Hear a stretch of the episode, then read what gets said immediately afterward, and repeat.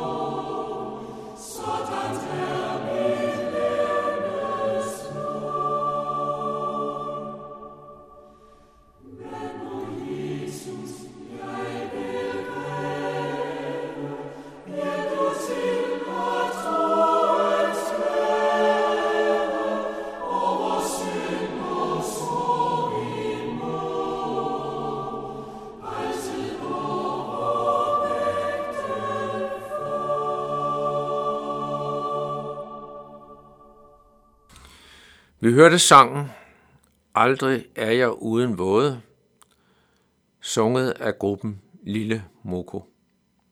Og ordet våde er det samme som nød. Aldrig er jeg uden nød. Mit navn er Henning Gorte Larsen, og jeg skal holde disse andagter. Som jeg nævnte ved præsentationsudsendelsen, bygger hver andagt på Samuel Rosvalds bog 99 stykker brød hvorfor jeg læser en andagt nu. Den fjerde andagt har titlen Hvad med hullerne? Og jeg læser. I et hjem var der en dreng, som en gang imellem snørrede sin far. Det skete ved små rapserier, små løgne, ja, ved at han tænkte ringeagtende om sin far. Han var fuldt ud klar over, at det var forkert. Man kunne ikke få sig selv til at indrømme det, og i hvert fald ikke bekende det over for far. Når den dårlige samvittighed meldte sig, gik han i stedet for op på loftet og slog et søm i en af tagets bjælker. Det gav ham midlertidigt lidt ro i sindet. Men efterhånden var der ret mange søm i bjælken og en skønne dag kunne han ikke mere. Han måtte have snakket med far. Og det fuldtes nu ad op på loftet, og drengen viste sit håndværk frem. Far havde godt nok set sømmene i træværket. Han var også klar over, hvem der havde slået dem i. Men han ventede på, at drengen skulle komme med en forklaring. Den kom så nu. Og nu fik han det over sine læber. Far, kan du tilgive mig? Hvad svarede far? Han kom med et citat fra Bibelen, nemlig salme 103, vers 13, hvor der står, Som en far er barmhjertig mod sine børn, er Herren barmhjertig mod dem, der frygter ham. Hvad betyder det, far? Det betyder, at Gud har tilgivet dig alt det, der er forkert i dit liv. Derfor trækker vi nu alle sømmene ud. Jamen far, du sagde, du sagde, at Gud har tilgivet mig. Har du også? Og svaret kom med det samme. Ja, min dreng. Jeg har tilgivet dig. Du kan være helt fri i din samvittighed. Jamen far, hvad med hullerne? De er der jo stadig. Ja, min dreng. De minder både dig og mig om, at vi ikke er syndfri. De fortæller også, at vores liv her på jorden har konsekvenser. For der kan jo sidde søm i hullerne. Men så skal vi også huske, at sømmene ikke sidder der længere. Dem har jeg sendt mit ud, helt ud. Og du går aldrig til at se dem igen. Citat slut.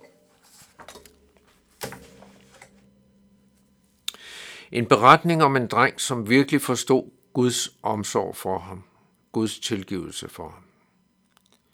Vi kan have så mange ting i vores liv, som vi gerne vil være foruden.